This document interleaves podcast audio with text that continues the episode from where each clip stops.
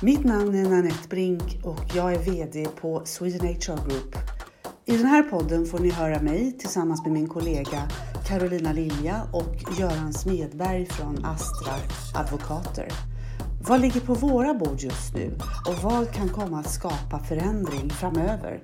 Häng med och få inblick i olika resonemang från ett organisationsutvecklande perspektiv med HR och arbetsrätt som fokus. Nu kör vi! God förmiddag alla och uh, happy Friday! Den här underbara sensommarfredagen. Uh, vi har ju sedan tidigare i år borrat i den nya LASen i allmänhet och uh, ändringar i uthyrningslagen i synnerhet. Dels genom egna smarta eller icke smarta reflektioner i den här lilla gruppen som består av mig själv, min kollega Karolina Lilja och så såklart allas våran Göran Smedberg ifrån Astra Advokater. Och, eh, men vi har också haft gäster från till exempel Lernia Bemanning och även nu senast kompetensföretagen inom Almega. Och idag har vi förmånen att även få prata med Veli-Pekka Seikele från IF Metall. Varmt välkommen! Tack. Eh, kan inte du börja berätta lite vem du är och vad du gör på dagarna och sen glida in lite kring din roll i de här förhandlingarna. Vi är supernyfikna. Ja. Jag heter Veli-Pekka Seikele och eh, folk brukar säga Pekka till mig. Eh, jag är avtalssekreterare på IF Metall. Det innebär då att jag är kongressvald, en av de fyra som sitter i vår förbundsledning. Och, och uh, har, har då uppgift att ja, se till så att IF Metall fungerar helt enkelt. Mitt område är ju då som avtalssekreterare det är ju, det är ju kollektivavtalen, arbetsmiljöfrågorna, våra försäkringar som vi också har uh, i kollektivavtal och så. Så att det är de områdena som är mina. Och uh, min bakgrund är ju då att eh, jag började som metallarbetare på Saab i Trollhättan i mitten på 80-talet och eh, har, har sen då och blev förtroendevald där och har förhandlat då lokalt på den arbetsplatsen. Sen 96 eh, så har jag jobbat på Metall som numera är IF Metall och eh, ja, som avtalssekreterare sedan 2008. Men du berätta lite för du har ju varit med i allra högsta grad i, i de här spännande förhandlingarna som, som vars konsekvens vi hela tiden återkommer till och borrar i. Berätta vad, vad, vad, vad, vad hade du för roll i dem? Jag har suttit i, i, i förhandlingsdelegationen som LO haft. Mm. Eh, och sen när, när LO hoppade av eh, så fortsatte ja, Vad var det där? Berätta. Så fortsatte vi förhandla ihop med Kommunal mm. och, och, och mm. så vidare. Så att, så att, och eh, det var ju helt enkelt därför att eh, man kom inte överens.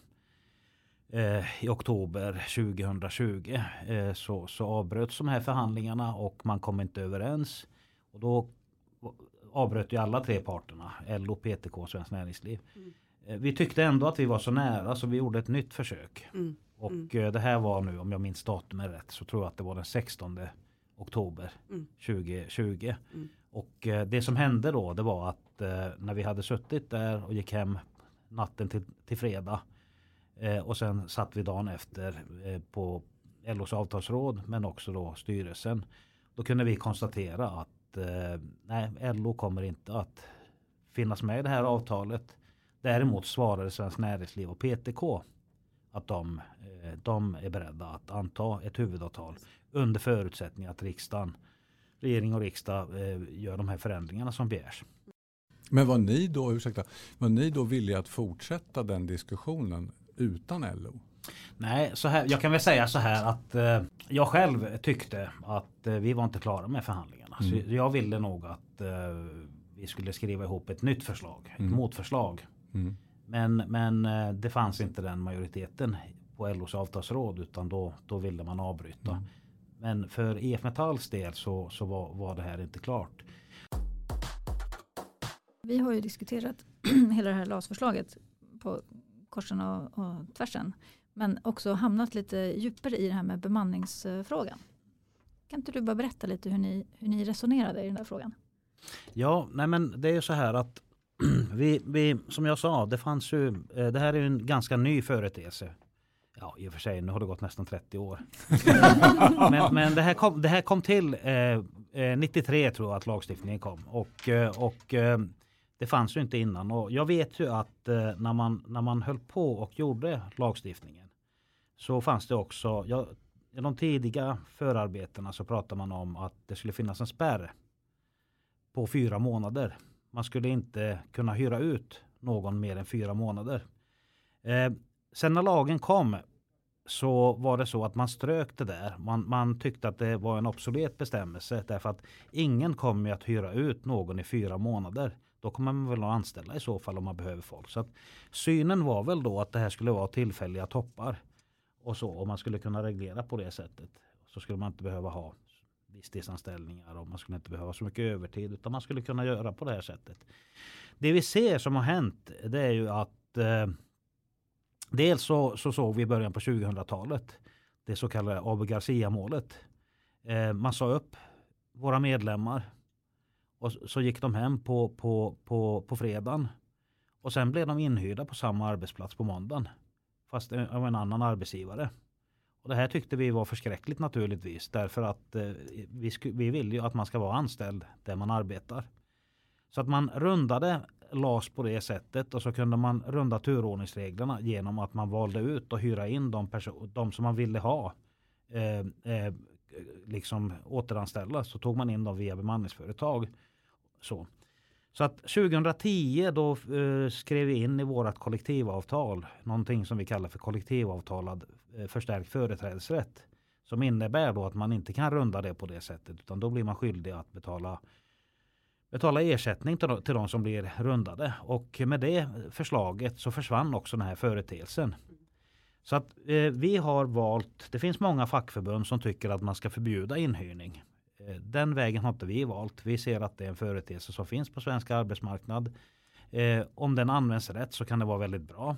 Det är många unga, många med konstiga namn eh, som, som också får chansen att komma in och jobba. Så att vi ser vissa poänger med det.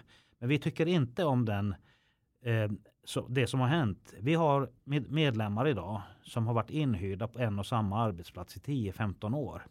Och det var inte det som var syftet med den här bestämmelsen. Det har blivit permanenta inhyrningar och eh, det skapar problem eh, eh, för oss och för anställningstryggheten för de här människorna. Man ska komma ihåg att här i storstan, Stockholm, så har ju oftast bemanningsföretagen många kunder. Men ute på landsbygden, där vi har våra industrier, så har de kanske en kund. Och när, när det är så att man kan läsa i i tidningen att nu, nu blir eh, 176 eller 76 personer på, på, på eh, Manpower i Köping eh, av med jobbet. Då kan man se då att då är det så att helt plötsligt så behöver inte det industriföretaget 76 medarbetare. Och då kan man skicka ut de här personerna på ett helt annat sätt. Så det, så det handlar om trygghet för oss. Men, men, men på vilket sätt är en tioårig anställning på ett bemanningsföretag mindre trygg än tio år i en industri? Det som, det som sker det är ju faktiskt att arbetsgivaren på det sättet kan välja mellan att skicka ut sina egna anställda eller, eller eh, de som är inhyrda. Och på det sättet så rundar man ju faktiskt också de här turordningsreglerna. Varför ska, varför ska en person som har jobbat tio år på ett, på, på ett industriföretag och varit inhyrd varför ska den vara lättare att skicka ut än en person som har jobbat åtta år på samma företag? Så att eh, det handlar om anställningstrygghet. Och i många fall så tycker vi att det är bättre att vara, ha en, en tillsvidareanställning på ett bemanningsföretag än att åka runt på till, eh, visstidsanställning efter visstidsanställning. Så att rätt använt så tycker vi att det är okej. Okay, men vi, vi, vi tycker att eh, man ska bli erbjuden eh, anställning efter en tid. Och nu har vi kommit överens om att det är efter två år. Och skulle då individen tycka att nej, men jag är hellre kvar på bemanningsföretaget. Fine, då kan individen säga det. Men det är väldigt, väldigt många av våra 10 000 medlemmar på bemanningsbranschen som, som uttalar just det här med att de skulle helst vilja vara anställda på det bolaget där de utför sitt dagliga arbete. Har, har ni gjort några, några, undersökningar om det? Alltså, alltså så ni har någon statistik på hur, hur det ser ut bland era medlemmar? Nej, det har var, vi de inte. vill, var de vill vara Vi anställda? har inte gjort statistik på det men vi har ju, vi har ju kontakter. Vi har ju väldigt många inhyrda framförallt på bilföretagen. Och det är ju det här vi får höra från dem. Mm. De, Men det, det är liksom det ni hör Ja. från, från era medlemmar på Mm. vissa, vissa industrier. Då. Mm. Eh, nej, för jag, jag känner ju, det är det som vi pratade, pratade om förra gången. Eh, jag jobbade ju en gång i tiden på, på fackliga sidan också. Och det var ju i början på 90-talet. Det var ju då när bemanningsbranschen dök upp. Och då var det ju lite grann vilda västern över det hela. Men sen är ju min uppfattning att det, det är inte samma problem idag som det var då. För då var det ju ja, vilda västern. Eh, och det var mycket visstidsanställningar hos, hos bemanningsföretag. Nu är det ju kollektivavtalsreglerat. Jag kan tänka mig att det finns en och annan eh, en och annat bemanningsföretag som inte har kollektivavtal också. Men i de här stora, ska vi säga mer seriösa eh, företagen, bemanningsföretagen, där har man kollektivavtal och där har man ju då garantilöner och så vidare mellan uppdragen. Och, och jag, har, jag personligen har svårt att se liksom att det skulle skilja i tryggheten om man är anställd på ett bemanningsföretag kontra eh, industrin då i, i ditt fall. Eh, jag har så otroligt svårt att se att det skulle vara, vara någon skillnad. Ja, men det, är, det är en skillnad och eh, det är också helt rätt. Eh, vi har kollektivavtal med, med, med de här företagen och eh, jag brukar säga att vi har världens bästa bemanningsavtal. Det är reglerat med, med löner, GFL och allt det där. Sådana saker. Så, att, så att det är ett väldigt bra, internationellt sett när vi jämför så är det ett väldigt bra avtal vi har. Eh, men det är klart att det är en skillnad därför att om du jobbar på ett, eh, på ett bemanningsföretag och det bemanningsföretaget har en kund i Köping på GKN exempelvis. Och eh, du har varit inhyrd i tio år. Det är hydraulik va? Ja, de, det är gam, gam, gamla flygmotor och, och lite sånt. Men, men de, så. Och Mm. de är underleverantörer till bilindustrin. Eh, men, men det är klart att om, om det är så här att eh, kundföretaget eh, säger att nu vill vi bli av med ett antal personer. Och eh, du har jobbat på det inhyrande företaget. Eller på, på, du har varit inhyrd i tio år. Och så finns det människor då som har jobbat där i fem år. Då kan man ju faktiskt väldigt lätt eh, runda av och säga att nej, men det är de här som får gå. Så att, så att, och de har, de har sen inte någon annan kund på den orten. Så att då blir de liksom arbetslösa. Men hur stort problem är det här eh, rent statistiskt? Alltså, Ja, men, ja, men är, jag, kan förstå, jag kan ju förstå liksom, som du skissar problemet, men hur, i realiteten, hur stort är det här problemet? det är väldigt eh, många företag runt om på landsbygden som, som bara har en kund. Det är liksom huvud, eh, huvudsakligen så ser det ut så. Eh, och eh, så. Så, att, så att vi är inte emot att man hyr in och så. Men vi tycker inte att det ska vara så att man är inhyrd år efter år. Utan då bör man få ta på sig samma overall som arbetskamraterna som man jobbar med. Och samma villkor och samma möjligheter. Eh, och det har man inte när man är inhyrd. Ser du inte någon risk till, med, med den här förändringen? Då? Att, att det bara blir korta, mer korta hugg, korta uthyrningar och därmed mindre trygghet? Nej men jag tror, ja, men i så det är ju så här att eh, det de kan hyra in på det är ju efter det behov som kundföretagen har. Om, om de eh, påhuggen blir kortare och man istället får jobb på, på kundföretaget. Då tycker vi att det är en bra utveckling. Att man Fast- får det. Fast nu tänker jag då att, att eh, kundföretaget kommer inte hyra in Kalle utan längre tid än x antal månader. Och, och sen, sen ditchar man Kalle och sen tar man någon annan istället. Ja. Då blir ju inte Kalle gladare och mer trygg för det. Nej, fast å andra sidan så är det ju så också att vi tycker inte att det är okej att man har en visstidsanställning efter visstidsanställning efter visstidsanställning. För det är en otrygghet och då är det faktiskt bättre att arbetsgivaren säger att okej, nu har din tid gått ut, nu tar vi hit någon annan. Och jag, jag tror att det är också besvärligt för arbetsgivare att hålla på och ditcha på det sättet därför att man gör inte gärna det. Har du en person som fungerar så säger du väl inte att nej men nu vill inte jag ha kvar dig. Nu tar vi hit och testar om vi får någon annan som kanske inte funkar. Så att, så att jag tror att det där löser sig. Jag fastnar på det här med trygghet eh, hela tiden. För att jag tänker ändå att om man, är, om man är anställd på ett bemanningsföretag som är ett seriöst bemanningsföretag som de ändå är överens om att de allra flesta är. Man har jobbat här i två år, det vill säga man har ju en fast anställning med allt som kommer med det. Och sen så ska man bli erbjuden att gå över till kunden och då är man ju plötsligt sist in. På vilket sätt har man en ökad trygghet i det? Nej men det är också så och det är precis som du säger. Det kan faktiskt till och med innebära att man får en sämre lön därför att man har en GFL. Men det är faktiskt så att individen då får, får ett val. Individen kan ju säga så här nej tack jag fortsätter och vara kvar här. Så jag, jag, jag blir inte anställd där. Man får ett val och jag tror att det är bra om folk får valmöjligheter. Och det är klart att man går in i det. Då vet man om det. Okej, okay, då är jag sist anställd. Då är den risken. Det kanske är tryggare för mig att vara kvar. Men då får individen ett val. Tycker det är jättebra. Mm. Ja, man har ju samma problematik om man hamnar i om man går från eh, ja, byter jobb. Eh, eh, man byter, anst byter uppdrag, byter anställning från, mm. från arbetare till tjänsteman. Till exempel, eller tvärtom. Så, så kan man ju också hamna i den där situationen. Att jag var, tidigare hade jag längst anställningstid bland, bland arbetarna. Bland kollektivarna. Och sen helt mm. plötsligt mm. har jag kortast anställningstid bland, bland tjänstemännen. Mm. Man byter kollektivavtalsområde. Så ja, det var fine. Eh, mm. mm. Jag vet att, att eh, Patrik som vi hade här, mm. han var ju också inne på det här med... med Från kompetensföretagen? Precis, ja. Eh, just det här med, med att eh, vi kommer tillbaka på något sätt ner till 90-talet när, när mm. bemanningsföretagen mm. var den här det onda, skurkarna. Så här, och att det blir liksom en, en fläkt av det igen. Att man kommer mm. tillbaka till att man rackar ner på, på, på bemanningsföretagen.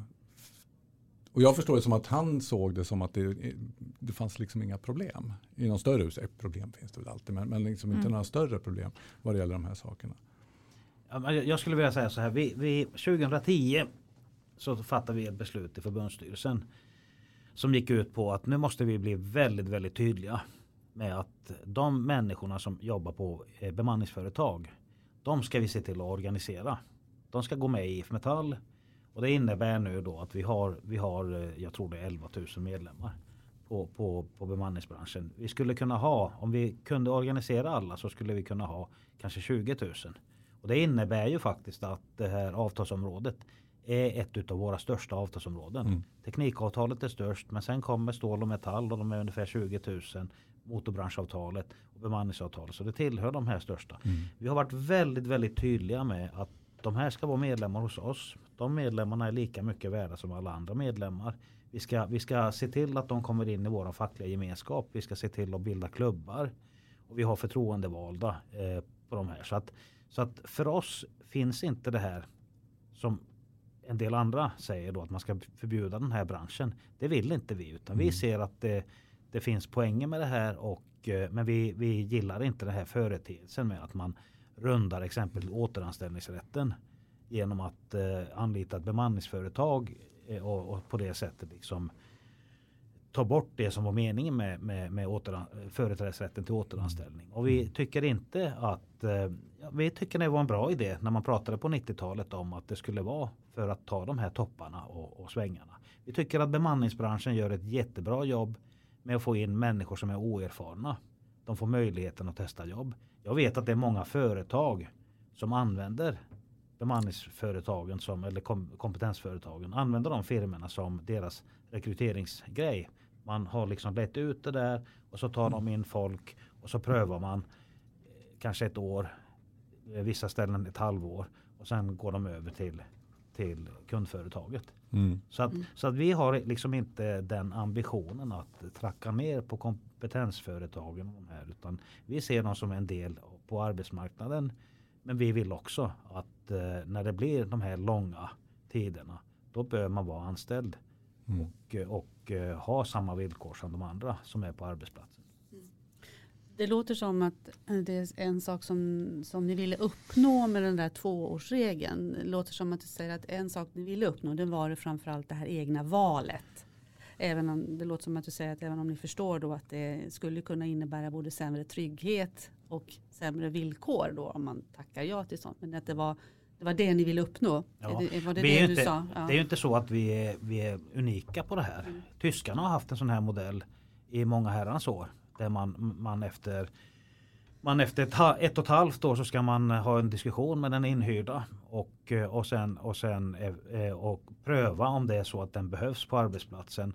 Och efter två år så är man skyldig att anställa. Så IG Metall har haft sådana avtal ja, säkert i, i ja, snart tio år. 2014 tror jag det var. Som de, 2012 eller någonstans där Så efter. det var, det var kollektivavtalsreglerat? jajamän. Mm, okej. Mm. Men, men den bemanningsbranschen i Tyskland den är väl inte riktigt heller reglerad på samma sätt som den svenska? Nej, de har inte alls. eh, Jag vet ju att eh, är man inhyrd på BMW exempelvis så kanske man har 40% av lönen jämfört med en BMW-anställd. Så att eh, hos oss har vi en mycket bättre regel där man får en genomsnittslön. Så vårat avtal är bättre för de inhyrda. Det blir, det blir ju svårt att jämföra en ganska oreglerad bemanningsbransch med våran reglerade bransch och sen lägga på samma typ av begränsning. Ja men den är inte samma typ därför att här har arbetsgivarna faktiskt möjligheten att köpa ut sig med tre månadslöner. Och eh, så, så att den finns inte i Tyskland. Så den är mycket hårdare reglerad där.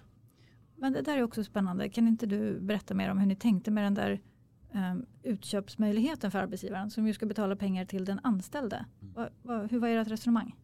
Nej men grejen blir ju den att arbetsgivaren säger att nej men jag vill inte erbjuda dig anställning. Och då får arbetsgivaren istället betala en peng på tre månadslöner. Och vi vet att arbetsgivare betalar gärna inte tre månadslöner till någon som de behöver. Utan då tänker man så att då kanske det är bättre att jag ser till att anställa den här personen. Så att det är klart att det är en, en metod för att, för att eh, Eh, eh, få arbetsgivarna att anställa de här personerna. Å andra sidan så är det inget veto därför att det finns faktiskt en möjlighet att köpa sig ur. Så jag, jag tycker nog att vi har hittat en ganska bra pragmatisk regel. Där, där, där det inte är något tvång. Individen kan tacka nej. Arbetsgivaren kan köpa ut men då kostar det en peng. Och så får, man, får väl arbetsgivaren värdera det. Är det bättre att anställa den här personen eller, eller ska jag ge den här, eh, den här eh, tre månadslönen? Och så har man ett fritt val. Fast, fast du säger att syftet med de här pengarna är att arbetsgivaren ska känna att de inte vill göra det valet. Ja, det, det, det är klart att det är så här den alternativregel. Om man kan välja att anställa och det är ju det vi hoppas. Det är ju det som är huvudregeln. Vi hoppas att de anställer dem. Att de blir anställda på, på, på det inhyrande företaget. Det är vår förhoppning. Men vad är din bild av syftet med att hyra in personal då för företag? För jag tänker att om, de, om man har haft en inhyrd eh, under så här lång tid och man sen ändå känner att man inte kan betala de här tre månaders lönerna för att man har en annan poäng med att ha en inhyrd. Ja, det finns ju många poänger och eh, eh med, med, med, det kan finnas många olika eh, eh, anledningar för arbetsgivare. Eh, det kan vara att det är svängningar och sånt och det är bra. Eh, då kan man använda det men då behöver man inte ha samma person inne i tio år för då är det inga svängningar. Det finns, eh, jag vet exempel på företagsledare som har ett huvudkontor, företag har huvudkontor någon annanstans i världen. Och det man gör då det är att man gör benchmarking mellan de här företagen. Och så tittar man vad är lönekostnaden, hur många anställda har man? Och ett sätt att kringgå det, det är att hyra in istället. För då hamnar de på en annan, eh, annan eh, plånbok än, än, än lönekostnaden. Eh, och eh, det kan ju till och med vara så i något fall att, att eh, om man lyckas hålla nere lönekostnaden och antalet anställda så kan det innebära att man får en bonus för det också. Och sådana här saker. Så det finns ju sådana parametrar i det här. Så att vi, tror att, eh, vi tror att det är nyttigt för folk att de har tillsvidareanställningar och att de finns på de företagen där de, de är anställda och har samma villkor som sina arbetskamrater som finns där. Men, men förlåt nu att jag inte kan släppa det här. Men om, då, om, vi, har, om vi har ett scenario där vi har ett företag som har hyrt in eh, konsulter i två år. Man har inte råd att betala de här tre månadslönerna vars syfte är att just att, att tvinga fram det där. Har ni inte råd så får ni lov att anställa. De har inte heller råd att anställa. Nej, För de har ju hyrt in av en anledning. Och vem gynnar det här då? Och då är det så här att när du hyr in någon eh, så ska ju den ha en GFL-lön. Och sen an, antar jag att bemanningsföretaget också ska tjäna pengar på det. Det innebär då att hyra in en person eh, kanske kostar ungefär 30% mer än att ha personen anställd direkt. Så att det är klart att har man, har man råd att betala de här 30% extra eh, som det kostar att hyra in eh, folk. Då tror jag nog att man har möjligheten att lösa det. Och har man, dåligt, har man dålig ekonomi i bolaget då tjänar de pe pengar på att, hyra, att anställa istället för att betala de här 30% extra. Och man tar ju också en helt annan risk såklart som företag genom att anställa. Ja det är ju det vi har försökt lösa här också med olika saker i, i det här avtalet. Så det är en helhet. Det är ju inte bara den här mm. frågan vi har löst utan vi har löst massa andra frågor också. Mm. Jag, är, jag, jag är ju lite intresserad av det här själva som, som jag har skrivit här, lagstiftningstekniken. Liksom. Nu, har, nu har man skapat en, en, en ny, stora förändringar i, i LAS. Och mycket av det baseras på det som ni har kommit fram till i huvudavtalet. Eh, och, och, och, det är ju jätteintressant det här med att jag vet att ni har ju hållit på, arbetstagarens parter har ju hållit på att diskutera nya huvudavtal under många herrans år. Och det har inte gått så där jättebra förrän nu då, där man har lyckats eh, komma överens. Men, men ser du liksom att, det, att det skulle finnas några problem med att, att det är ni som, som arbetsmarknadens parter då som, som, som styr lagstiftningen? jag skulle vilja säga så här att eh, Många pratar om den svenska modellen och alla omhuldar den och tycker att det är bra. Och den... Jag vet inte ens vad den betyder. Nej, den har så himla många, så många definitioner. Ja, men då ska jag försöka med min definition. Okay. Nej, men 1938 träffade man ett huvudavtal på svensk arbetsmarknad och eh, det man var överens om då då gjorde man upp om konfliktregler och, och lite sådana saker. Och eh, det man var överens om då det var att parterna på svensk arbetsmarknad skulle lösa de problemen som är på svensk arbetsmarknad politiken skulle hålla sig neutral. Det var liksom hela poängen. Och det som hände efter det, innan man gjorde det avtalet så var ju Sverige ett av de länderna där vi konfliktade. Man lockoutade och strejkade mest i hela världen. Och eh, man fick bort det där. Eh, och fick, fick ordning och reda. Det här fungerade på 50-talet, 60-talet. Eh, Sen på 70-talet så spårade det ur. Vad, olika... vad hände då? Nej men jag, tro, jag, tror att, jag tror att det som hände då det var att eh, arbetsmarknadens parter förmådde inte att lösa de bekymmer mm. som fanns på arbetsmarknaden. Och eh, det som hände då det var att politiken gick in. Och då kom de här lagstiftningarna på olika sätt. Och det var ingenting som vi välkomnade på något sätt. För mig handlar det här på din fråga. Det handlar om att parterna återtar den svenska modellen.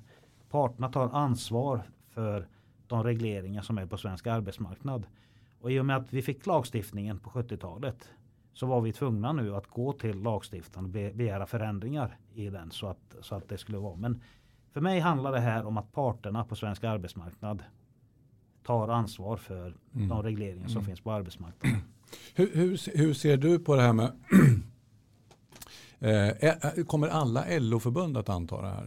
huvudavtalet? Eller finns det no någon sån här, något svart får där i, jag pratar, pratar inte om svarta får men, men, men, men när, när, när, när, huvudavtalet skrevs 1938 så, eh, så är det faktiskt så att eh, det är inte påskrivet av alla förbund ja. än. Så det finns ju tre, fyra förbund som inte har skrivit på huvudavtalet. Mm. Och, eh, och eh, så att eh, det, det kan vara så att det får tiden utvisa. Mm. Men, men jag tror att om vi, när vi sitter här om tio år så tror jag att den absoluta majoriteten utav LO-förbunden är med i det här. Mm. Och jag ser att det rör på sig redan nu. Finns det några andra förbund som inte är med i LO som, som har knackat på dörren för att ansluta sig? Det kan jag inte säga någonting om. Okej, okay. Nej men för det här är ju intressant för här har vi ju då ett ett, ett kollektivavtal, ett huvudavtal som, som innehåller ganska intressanta saker. Till exempel eh, efter den här ändringen som kommer nu då 1 oktober om sakliga skäl. Här inne, det här huvudavtalet innehåller liksom tolkningsdata för hur man ska tolka det här. Eftersom man har gjort man har gjort sjunde paragrafen dispositiv på, på huvudorganisationsnivå. I vart fall på, mm. på arbetstagarsidan. Eh, och då vad, vad, tror du? Kommer, det här, kommer de här, det som ni, de tolkningsdata, det, det handlar ju om, om personliga skäl då. Hur man ska se på olika situationer. Vad tror du, tror du kommer de att få effekt på de delar av arbetsmarknaden som inte täcks av huvudavtalet? Jag skulle vilja säga så här, eh, när det gäller då personliga skäl, eh, sak, sakliga skäl, så har man gjort som du säger, man har gjort preciseringar på vissa mm. områden. Mm. Och de menar jag de är ganska marginella. Och man säger ju också att eh, den rättspraxis som finns idag den ska även gälla fortsättningsvis. Mm. mm. Så, eh, till att börja med. Men sen är det ju så här att vi har ju ett antal eh, lagar som är dispositiva. Ta exempelvis frågan om visstidsanställningar. Den är dispositiv. Och när, när, när domstolen, när AD prövar om, om en visstidsanställning är felaktig. Eh, går man då på kollektivavtalets regler då prövar de det utifrån kollektivavtalet. Eller går man på lagens regler då prövar man det utifrån lagen. Och det bör ju vara likadant här. Att är man inte med i huvudavtalet så ska ju inte sakliga skäl prövas utifrån huvudavtalet utan det bör ju, bör ju då prövas utifrån det som står i lagstiftningen. Men då, då, blir det ju lite komplicerat i så fall. Om, om, eh, nu, nu sitter vi och spånar här bara för vi ja, ja. vet ju egentligen inte. Men, men, men då får vi ju liksom olika regler på arbetsmarknaden. Mm.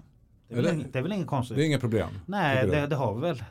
Du och jag har väl Må olika arbetsvillkor. De flesta ja, som är på olika vi, arbetsplatser. Vi, de har vi, olika villkor. Eller om man, har ett, om man är med i IF Metalls kollektivavtal så har man andra villkor än man har när man är med i HRFs.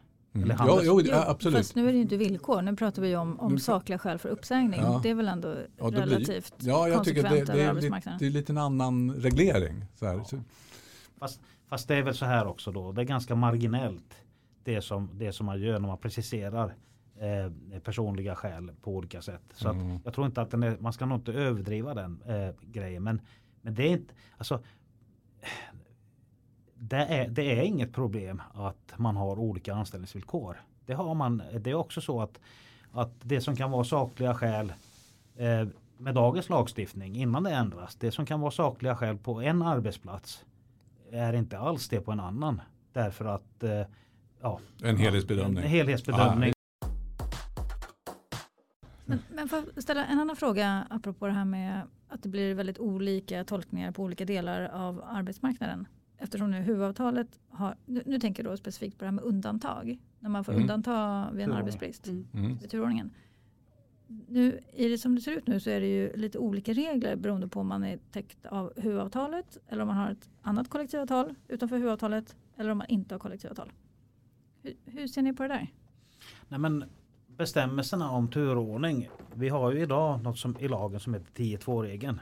Den, den försvinner mm. ju så blir det mm. istället får göra tre undantag. Mm. Arbetsgivaren får välja ut tre stycken som man vill behålla. Inte tre stycken som man vill bli av med utan så. Nej men alltså, det, det är väl så här att vi har gjort ett byte. Vi har gett arbetsgivarna större möjligheter att göra undantag i huvudavtalet. Mot det så har vi fått en bättre omställning och eh, bättre möjligheter att omskola oss och, och eh, ja, helt enkelt. Så att det är ett, ett byte som är gjort där eh, på det sättet. Och det är klart att den här delen är till förmån för arbetsgivaren. Sen kan man också värdera det olika. Ser du något problem på arbetsmarknaden att vi kommer att ha olika regler för olika liksom, beroende på vilket avtal man har på just turordningen? Nej, undantagen? jag gör inte det därför att parterna eh, förfogar ju faktiskt över det och vi har möjlighet att träffa överenskommelser om det. Så att det är ju jättebra att vi kan träffa överenskommelser som är branschanpassade. Eh, jag ser inga, ser inga problem med det utan jag, jag, jag ser det som att vi har olika villkor när vi jobbar på olika branscher och olika företag.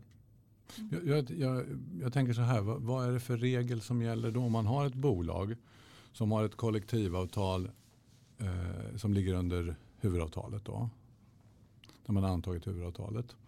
Då har man de turordningsreglerna som finns reglerade i huvudavtalet och det är lite olika alternativ där. Sen har man ett kollektivavtal med någon annan fackförening som inte är bunden av, av huvudavtalet. Sen kanske man till och med har en vit fläck någonstans där det inte finns någon kollektivavtal alls. Hur, hur hanterar man den situationen? Är det någonting som ni har funderat på? Det får ni jurister hålla på med.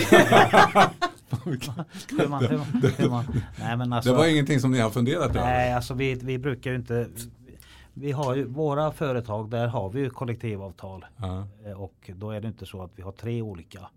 Alltså, men det finns ju arbetsgivare inom vissa branscher som kan hamna ja. i en sån situation ja. där, där, där de exempelvis med IF Metall eh, skriver ta motorbranschen, bilverkstäderna.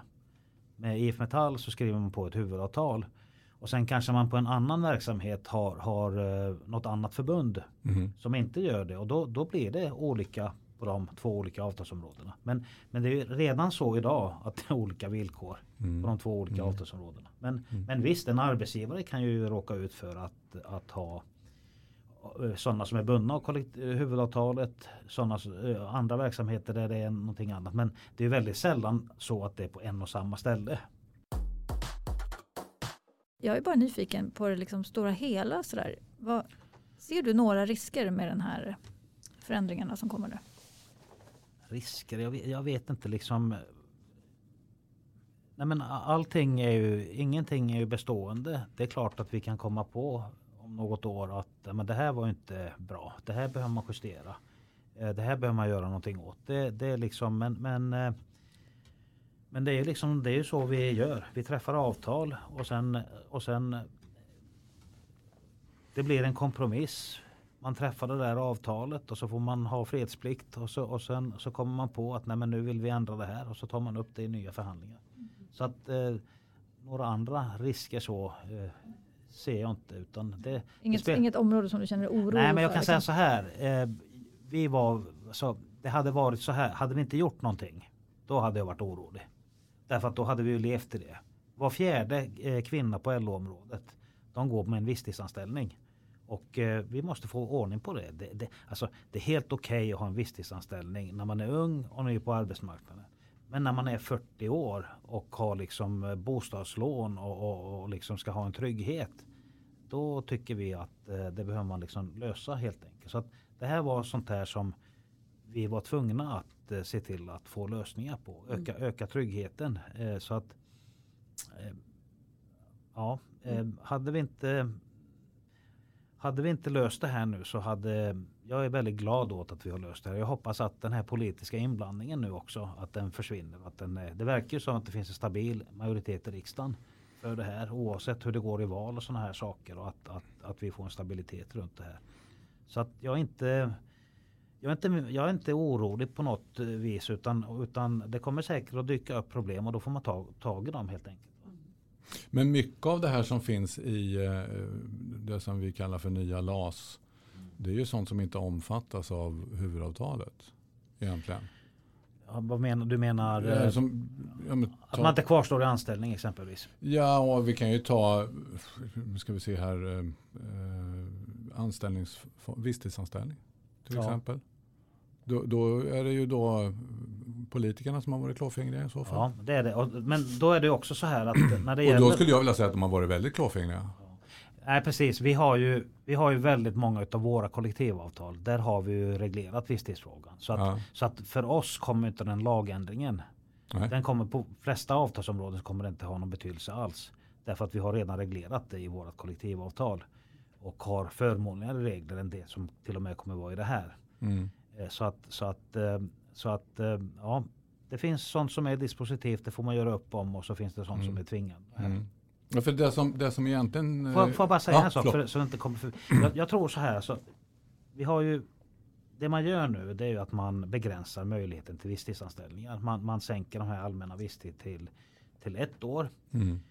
Och det vill vi därför att vi tycker att folk ska få den här anställningen. Har man provat någon i ett år så behöver man veta om den fungerar eller inte.